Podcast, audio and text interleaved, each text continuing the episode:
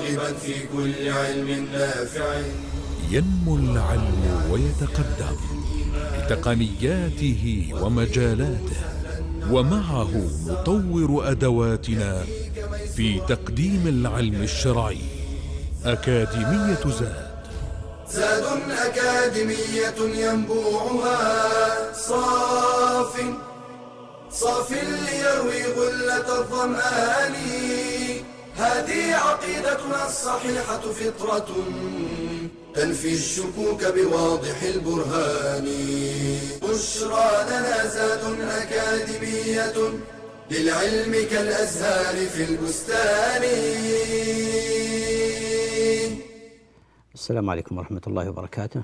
الحمد لله حمدا كثيرا طيبا مباركا فيه. كما يحب ربنا ويرضاه وأصلي وأسلم على نبينا محمد وعلى آله وأصحابه أجمعين. أما بعد ففي المحاضرة السابقة أشرنا إلى شيء من فضائل الصحابة رضي الله تعالى عليهم وعرجنا إلى إشارة يسيرة إلى الكلام عن عدالتهم وأن الصحابة رضوان الله تعالى عليهم كلهم عدول فإذا ثبت الصحبة فلا مجال ولا آه، يليق أن يسأل عن أحوالهم لأنهم جميعا عدول. ولهذا يقول الخطيب البغدادي آه، رحمه الله تعالى يقول فلا يحتاج أحد منهم مع تعديل الله تعالى لهم المطلع على بواطنهم إلى تعديل أحد من الخلق. إلى تعديل أحد من الخلق. آه، عن فضائلهم فضائلهم كما يقول الإمام النووي رحمه الله تعالى يقول وفضيلة الصحبة ولو لحظة لا يوازيها عمل ولا تنال درجتها بشيء والفضائل لا تؤخذ بالقياس ذلك فضل الله يؤتيه من يشاء والله ذو الفضل العظيم. ولهذا ذلك فضل الله يؤتيه من يشاء والله ذو الفضل العظيم. ويقول ابن الصلاح رحمه الله تعالى يقول الأمة مجمعة على تعديل جميع الصحابة ولا يعتد بخلاف من خالفهم ممن طعن في بعضهم من أصحاب الفرق الضالة. ويقول الشيخ تقي الدين رحمه الله يقول الذي عليه سلف الأمة وجمهور الخلف أن الصحابة رضوان الله تعالى عليهم أجمعين عدول بتعديل الله تعالى لهم. هذا يجرنا إلى بس أن نشير إلى شيء من أن القول بتعديل الصحابة يتضمن أمرين. ما هما؟ الأمر الأول هو الشهادة لهم بالاستقامة وملازمة التقوى وصدق المحبة لله ولرسوله صلى الله عليه وسلم والبراءة من النفاق وأهله. وهذا أمر ظاهر جدا. الأمر الثاني هو صدقهم في النقل عن النبي صلى الله عليه وسلم وعدم تعمد الكذب مطلقا فهم صادقون فيما يروونه مؤتمنون عليه مؤتمنون عليه في الرواية عنه وهذا يستوجب قبول رواياته من غير حاجة إلى البحث عن أحوالهم رضوان الله تعالى عليهم. ومما يدل على عدالتهم رضوان الله تعالى عليهم؟ أولا تعديل الله تعالى لهم. وتزكيته لهم ظاهرا وباطنا ووعدهم بالجنة وهذه مرت علينا معنا النصوص الدالة على ذلك. منها أيضا تعديل النبي صلى الله عليه وسلم وهذا الدليل الثاني تعديل النبي صلى الله عليه وسلم لهم وتزكيته لهم وبعثه إياهم بأفرادهم إلى الأمم الأخرى مبشرين ومنذرين ومبلغين للرسالة فلو لم يكونوا عدولا لما بعثهم النبي صلى الله عليه وسلم لتبليغ دين الله سبحانه وتعالى. كذلك مما يدل على عدالتهم حالهم وسيرتهم ومن الهجرة والجهاد ونصرة الإسلام بالمهج والأرواح والأموال والأنفس كل هذه كلها تدل على ماذا؟ على تعديلهم وأنهم بذلوا كل ما يملكون في سبيل نصرة هذا الدين والذب عنه وكذلك أيضا مما يدل على عدالتهم تتبع رواياتهم ومعرفة صدقهم. فلم يجرب على أحد منهم أنه كذب البتة. أنه تعمد الكذب البتة في رواية عن النبي صلى الله عليه وسلم. فهذه كلها تدل على ماذا؟ على عدالة الصحابة رضوان الله تعالى عليهم وعلى مكانتهم وعلى تعديل الله سبحانه وتعالى لهم. لكن الصحابة رضوان الله تعالى عليهم بشر. ليسوا معصومين فمع علو منزلتهم ورفعة أقدارهم فهم بشر وليسوا بمعصومين فقد يقع منهم الخطأ.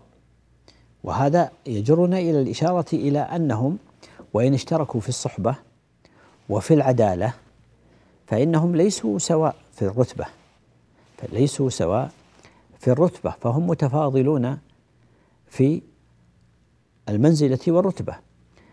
ولذلك يعني ذكر العلماء مراتب الصحابة رضي الله تعالى عليهم لهم في ذلك أقوال متعددة. لكن خلاصتها أن أنهم ليسوا سواء بدليل قول الله عز وجل لا يستوي منكم من أنفق من قبل الفتح وقاتل أولئك أعظم درجة من الذين أنفقوا من بعد وقاتلوا وكلا وعد الله الحسنى. فترتيبهم في الفضل والمكانة والمنزلة أفضل الصحابة بإطلاق هو أبو بكر رضي الله تعالى عنه وأرضاه الصديق صاحب رسول الله صلى الله عليه وسلم وخليفته من بعده رضوان الله تعالى عليه وأرضاه. يليه في الرتبة الخلفاء الأربعة كمجتمعين الخلفاء الأربعة أبو بكر عمر أبو بكر وهو أفضلهم ثم عمر ثم عثمان ثم علي وترتيبهم في آه، الفضل هو كترتيبهم في الخلافة رضوان الله تعالى عليهم وأرضاهم. يأتي بعد ذلك في الرتبة آه، العشرة المبشرين بالجنة. هؤلاء شهادة النبي صلى الله عليه وسلم لهم كافية في ذلك. يأتي من بعدهم أهل بدر وهم على الراجح من الروايات بلغوا 319 صحابي رضوان الله تعالى عليهم وأرضاهم هؤلاء كلهم عدول وكلهم خيار. الصحابة هم من أوائل أول وقعة شهدها النبي صلى الله عليه وسلم وشهدها الصحابة دفاعا عن هذا الدين. كانت لهم هذه المكانة وهذه المنزلة وهذه الرتبة العلية. يليهم أصحاب بيعة الرضوان. أصحاب بيعة الرضوان ويبلغون 1400 من الصحابة رضوان الله تعالى عليهم. يليهم بعد ذلك المهاجرون والأنصار عموما والمهاجرون أفضل من الأنصار لأنهم جمعوا بين الهجرة وبين النصرة. والأنصار كانت لهم النصرة رضوان الله تعالى عليهم أجمعين. يأتي بعد ذلك في الرتبة مسلمة ما قبل الفتح ثم مسلمة ما بعد الفتح ثم مسلمة ما بعد آه، الفتح. هذه يعني ترتيب لفضائلهم ودرجاتهم ومراتبهم رضوان الله تعالى عليهم وكلهم فضول عدول.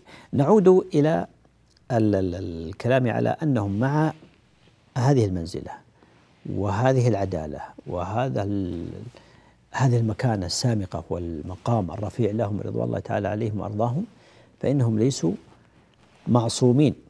وقد وقع بينهم وخاصة بعد مقتل عمر رضي الله تعالى عنه واستشهاده رضي الله تعالى عنه نزاعات واشتد الأمر بعد استشهاد عثمان رضي الله تعالى عنه وأرضاه ثم يعني بعد استشهاد علي رضي الله تعالى عنه وأرضاه.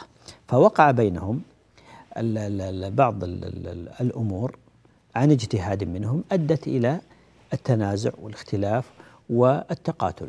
فما هو موقف المسلم من ما شجر بينهم رضوان الله تعالى عليهم في تلك آه، الحقبة آه، من حياتهم رضوان الله تعالى عليهم. هذه لابد أن يعني أن يكون الحديث عن شيء مما شجر بينهم أن يكون مضبوطا بضوابط شرعية دلت عليها النصوص الشرعية لأنه من حيث الجملة الواجب علينا تجاه ما بدر من الصحابة رضي الله تعالى عليهم وأرضاهم من اختلاف وتقاتل فإنه واجب علينا آه، أمران. هما الإمساك عما شجر بينهم والأمر الثاني الاعتذار عن ما وقع من بعضهم الاعتذار عنهم. وهذا فيه تفصيل سيكون الكلام فيه بعد الفاصل إن شاء الله على شيء من التفصيل إلى أن نلتقي بعد الفاصل. أستودعكم الله. السلام عليكم ورحمة الله. بشرى لنا أكاديمية للعلم كالأزهار في البستان.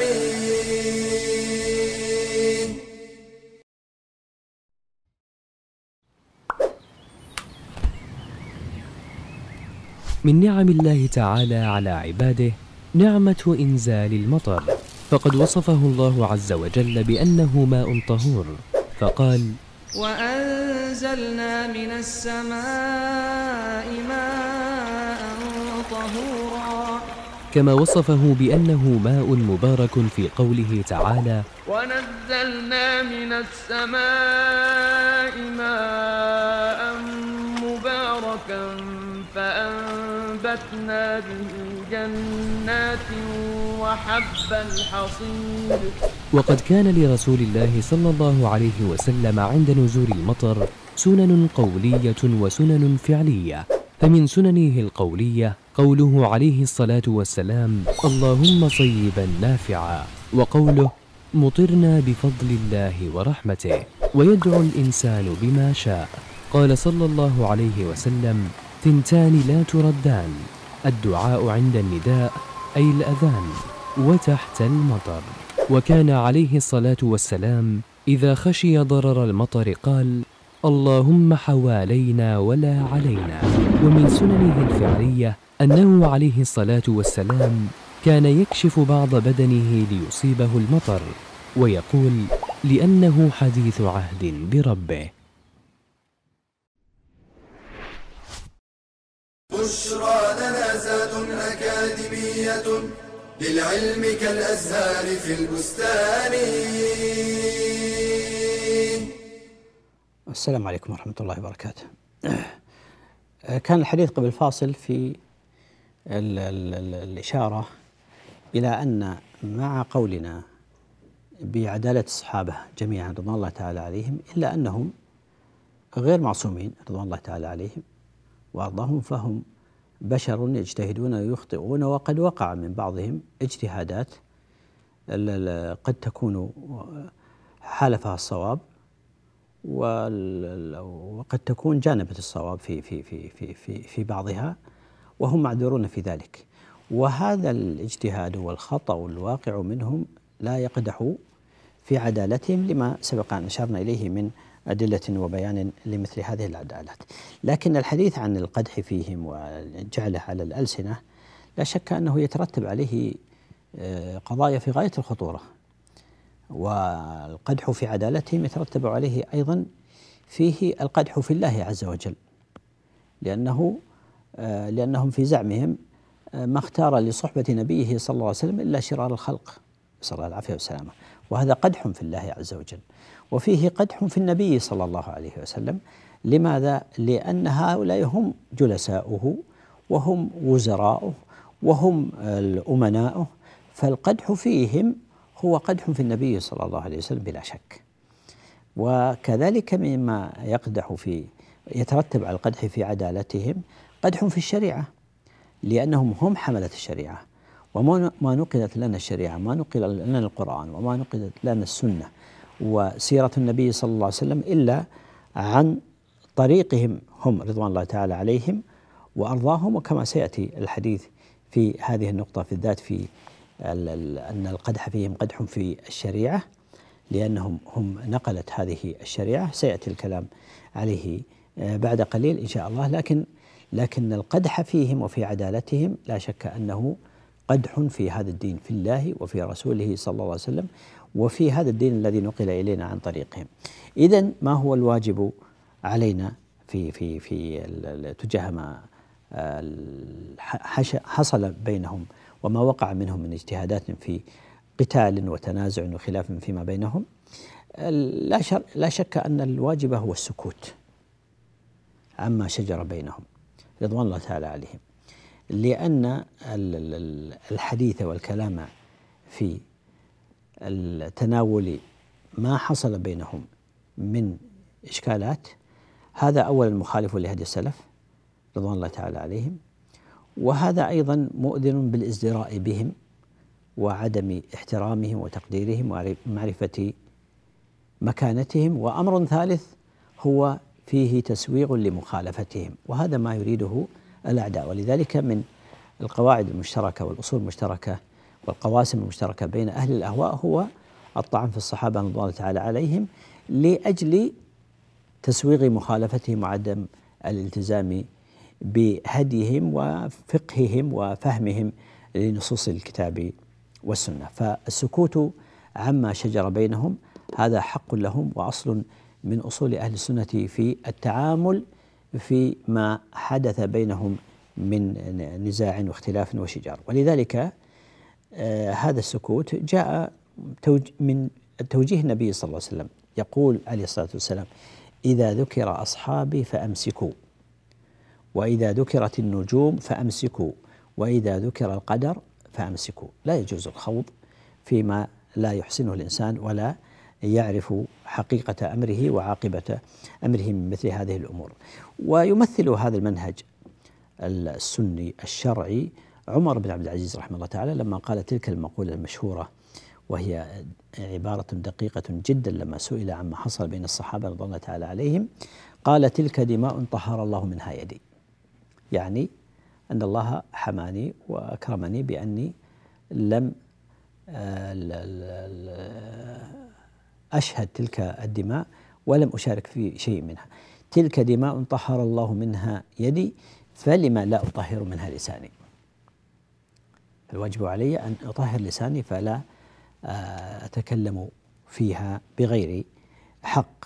قال مثل أصحاب رسول الله صلى الله عليه وسلم مثل العيون ودواء العيون ترك مساسها. الواحد إذا بدأ يشتغل بعينه ويفرك عينه فإن هذا مضر لعينه فالأصل أن يتركها ولا يمسها حتى يدع ما بها. من هذه الضوابط وهي من حقوقهم أيضا علينا هي إحسان الظن بهم الله تعالى عليهم وأرضاهم. وصيانة اللسان والقلب قبل اللسان والقلم بعد ذلك عن ذكر ما لا يليق بهم رضوان الله تعالى عليهم والواجب علينا أن نلتمس لهم أحسن المخارج وأن نظن بهم أحسن المذاهب ولذلك قيل للإمام أحمد رحمه الله تعالى ما تقول فيما كان بين علي ومعاوية رضي الله تعالى عنهما فقال ما أقول فيهم إلا الحسنى ما أقول فيهم شيء. كلاهما اجتهد وأحدهما أصاب والآخر أخطأ. والمصيب له أجر إصابته وأجر اجتهاده والمخطئ له أجر اجتهاده وخطأه عفو يقول القرطبي رحمه الله تعالى لا يجوز أن ينسب إلى أحد من الصحابة رضوان الله تعالى عليهم خطأ مقطوع به. إذ كانوا كلهم اجتهدوا فيما فعلوه وأرادوا الله عز وجل وهم كلهم لنا أئمة وقد تعبد تعبدنا بالكف عما شجر بينهم وألا نذكرهم إلا بأحسن الذكر لحرمة الصحبة ولنهي النبي صلى الله عليه وسلم عن سبهم وأن الله غفر لهم وأخبر بالرضا عنهم. رضوان الله تعالى عليهم وأرضاهم. انتهى كلام رحمه الله. كذلك من هذه الحقوق وهذه الواجبات والضوابط الاعتذار عنهم والتماس أحسن المخارج لما ثبت صدوره عن أحد منهم، لهم اجتهادات أخطأوا فيها ولذلك يجب علينا أن نلتمس المعاذير وأحسن الاحتمالات التي يحمل عليها هذا الاجتهاد الذي وقع منهم. ولهذا يقول يحيى بن أبي بكر العامري رحمه الله تعالى يقول وينبغي لكل صين متدين مسامحة الصحابة فيما شجر بينهم من التشاجر والاعتذار عن عن مخطئهم وطلب المخارج الحسنة لهم. إلى أن قال وطريقة العارفين الاعتذار عن المعائب وطريقة المنافقين تتبع المثالب. طريقة العارفين هو الاعتذار عن المعائب. وطريقة المنافقين تتبع المثالب وإذا كان الألزم من طريقة الدين ستر عورات عامة المسلمين فكيف الظن بصحابة رسول الله صلى الله عليه وسلم خاتم النبيين عليه الصلاة والسلام. وهذا كلام في غاية الأهمية. فلا لا لا لا لأن من ديدن أهل الأهواء ومن سماتهم هو الطعن في الصحابة وذكر مثالبهم والاشتغال بسبهم. سبحان الله الله عافاك. وتلك أمة قد خلت لها ما كسبت ولكم ما كسبتم ولا تسألون عما كانوا يفعلون. تأتي أنت وتقول وتتكلم آه، في تجعل نفسك حكما بين أصحاب رسول الله صلى الله عليه وسلم. لم تشهد ولم تقف على الحقائق ولم تكن حاضرا. وقد عافاك الله سبحانه وتعالى. والله لن يسألنا الله عز وجل ما نقول ما قولكم في فلان أو علان أو من هو المصيب أو المخطئ أبدا. ولذلك كان أفضل الصحابة رضي الله تعالى عليهم هم الذين اعتزلوا القتال في الفتنة وعرفوا أنه قتال فتنة. والذين شاركوا في القتال اجتهدوا فمنهم من أصاب ومنهم من أخطأ والله المستعان. كذلك من هذه الحقوق هو الدعاء لهم والاستغفار لهم. رضوان الله تعالى عليهم وأرضاهم. وهذا دل عليه القرآن كما قال الله عز وجل والذين جاءوا من بعدهم يقولون ربنا اغفر لنا ولإخواننا الذين سبقونا بالإيمان ولا تجعل في قلوبنا غلا للذين آمنوا ربنا إنك رؤوف رحيم. آه، يقول عبد الله بن بطة آه، أبو عبد الله بن بطة رحمه الله تعالى صاحب اللبانة يقول نكف عما شجر بين أصحاب رسول الله صلى الله عليه وسلم وقد شهدوا المشاهد معه وسبقوا الناس بالفضل فقد غفر الله لهم وأمرك بالاستغفار لهم والتقرب إليه بمحبتهم وفرض عليك على لسان نبيه وفرض ذلك على لسان نبيه صلى الله عليه وسلم وهو يعلم ما سيكون منهم أنهم سيقتتلون وإنما فضلوا على سائر الخلق لأن الخطأ العمد قد وضع عنهم وكل ما شجر بينهم مغفور لهم رضوان الله تعالى عليهم هذا كلام رصين وهو الواجب علينا تجاه ما شجر بين الصحابة رضي الله تعالى عليهم وأرضاهم. آه، فاصل ثم نعود نستكمل الحديث في هذه المسألة بارك الله فيكم. بشرى لنا أكاديمية للعلم كالأزهار في البستان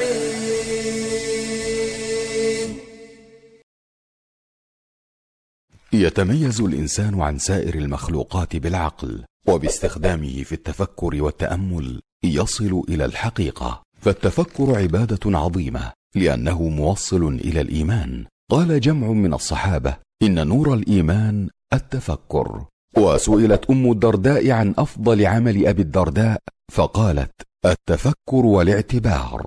فيتفكر المؤمن في بديع صنع الله تعالى في الكون. ليزداد عنده اليقين بعظيم قدرة الله سبحانه ووحدانيته. قال شيخ الإسلام ابن تيمية النظر إلى المخلوقات العلوية والسفلية على وجه التفكر والاعتبار مأمور به مندوب إليه. وحين يتفكر فيما يعبد من دون الله يتبين له ضعفه وعجزه فيتبرأ من الشرك صغيره وكبيره. قال تعالى يا أيها الناس ضرب مثل فاستمعوا له.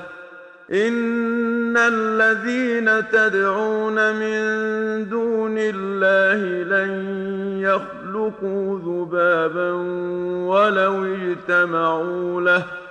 وان يسلبهم الذباب شيئا لا يستنقذوه منه ضعف الطالب والمطلوب. ويتفكر في القرآن الكريم ليفهمه ويعمل به. قال تعالى وأنزلنا إليك الذكر لتبين للناس ما نزل إليهم ولعلهم يتفكرون. ويندب للمسلم أن يتفكر فيما يفيده وينفعه في دنياه وآخرته فيقدم عليه ويفعله وفيما يضره في دنياه وآخرته فيجتنبه ويحذر منه.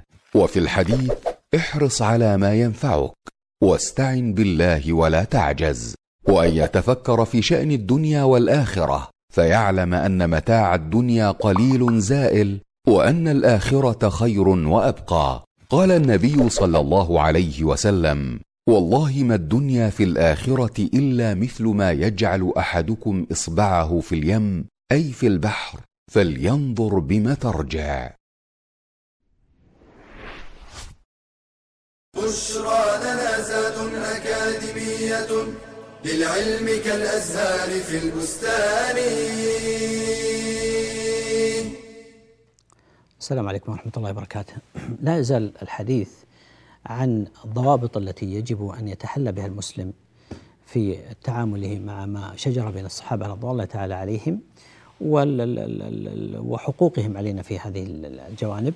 وآخر ما ذكرنا منها هو الكلام على آه، وجوب الاستغفار لهم والدعاء لهم وأن ما حصل منهم إنما هو عن اجتهاد. فكان ما كان منهم إنما هو واقع منهم عن اجتهاد شرعي لا لطلب دنيا ولا لرئاسة. ولهذا يقول الإمام النووي رحمه الله تعالى مذهب أهل السنة والحق إحسان الظن بهم والإمساك عما شجر بينهم وتأويل قتالهم وأنهم مجتهدون متأولون لم يقصدوا معصية ولا محض الدنيا بل اعتقد كل فريق أنه المحق ومخالفه يأثم فوجب عليه قتاله ليرجع إلى الله. وكان بعضهم مصيبا وبعضهم مخطئا معذورا في الخطأ لأنه اجتهاد والمجتهد إذا أخطأ لا إثم عليه. انتهى كلام رحمه الله تعالى. فهم اجتهدوا فمنهم من أصاب ومنهم من أخطأ. وكما قلنا المجتهد المصيب له أجر اجتهاده وأجر خطئه والمخطئ معذور في خطئه وله أجر اجتهاده. وهذا الخطأ هو عفو إن شاء الله وتسقط تسقط العقوبة من من من من من وجهين. الوجه الأول وجه خاص لما لهم من سابقة وفضائل في في هذا الدين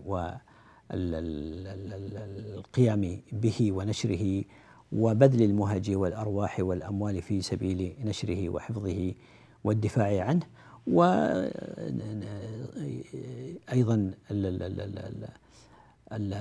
نقله إلينا والجانب الثاني هو التوبة وكذلك الحسنات الماحية وغيرها من الأمور العامة التي يشترك فيها جميع المذنبين في سقوط الذنوب.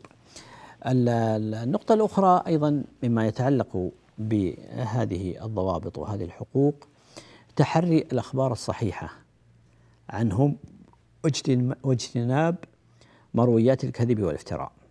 وللأسف لأن تاريخ الصحابة على وجه الخصوص قد تلاعب به الزنادقة ووضعوا ودسوا فيه ويعني كانوا يفسرون الأحداث بمفاهيمهم هم من غير ترون وتحري للصدق ووضع أحداث أو تفسير أحداث على غير حقيقتها وهذا حقيقة للأسف ما نسمع الآن من بعض العصرانيين وغيرهم الذين يعني ينالون من معاوية ومن غيرهم من صحابة رسول الله صلى الله عليه وسلم لماذا؟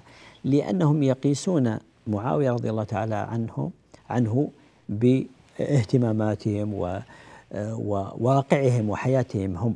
كما قال المتنبي إذا ساء فعل المرء ساءت ظنونه وصدق ما يعتاده من توهم. فهذا واقعهم. الذين يعيشون اليوم حب الدنيا والصراعات عليها والتكالب والتآمر والمكر وغير ذلك من الأمور فيظنون أن الصحابة كحالهم فيفسرون ما حصل بين الصحابة من الإشكالات بما هم عليه هم وما تمثله آه، ما يمثلونه وما تمثله أنفسهم ودواعيهم ونفسياتهم. وهذا خلاف ما عليه الصحابة رضي الله تعالى عليهم لأن الصحابة جيل آخر جيل يختلف تمام الاختلاف عما نحن عليه اليوم من اجتهادات واهتمام وغير ذلك من الأمور.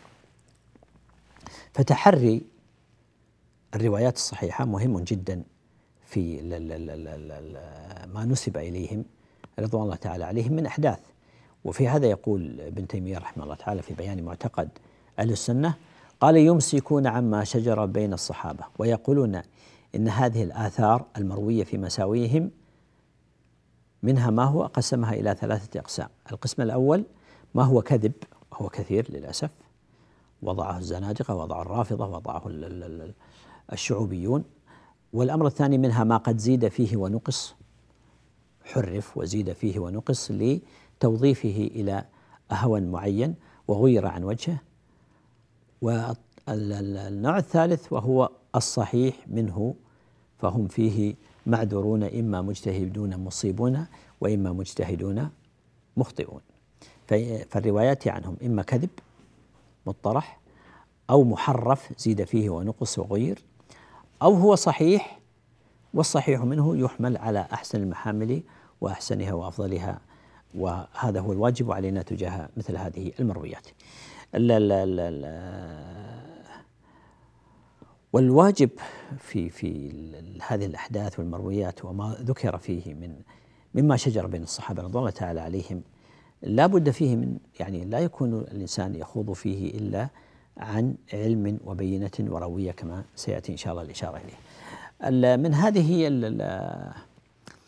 الضوابط والحقوق الإقرار بعظيم مناقبهم وأن ما وقع منهم مغفور في جانبها ونحن نعلم أن الحسنات يذهبن السيئات كما قال الله عز وجل فالقوم لهم سوابق عظيمة وأعمال مكفرة لما وقع منهم وجهاد آه، محاء لهذه الذنوب وعبادة ممحصة ولهذا قال ابن تيمية رحمه الله ما علم بالكتاب والسنة والنقل المتواتر من محاسن الصحابة وفضائلهم لا يجوز أن يدفع بنقول بعض بنقول بعضها منقطع وبعضها محرف وبعضها لا يقدح فيما علم فإن اليقين لا يزول بالشك ونحن قد تيقنا ما دل عليه الكتاب والسنة وإجماع السلف قبلنا وما يصدق ذلك من المنقولات المتواترة من أدلة العقل من أن الصحابة أفضل الخلق بعد الأنبياء فلا يقدح في هذا أمور مشكوك فيها فكيف إذا علم بطلانها أو بطلان أكثرها؟ نعم.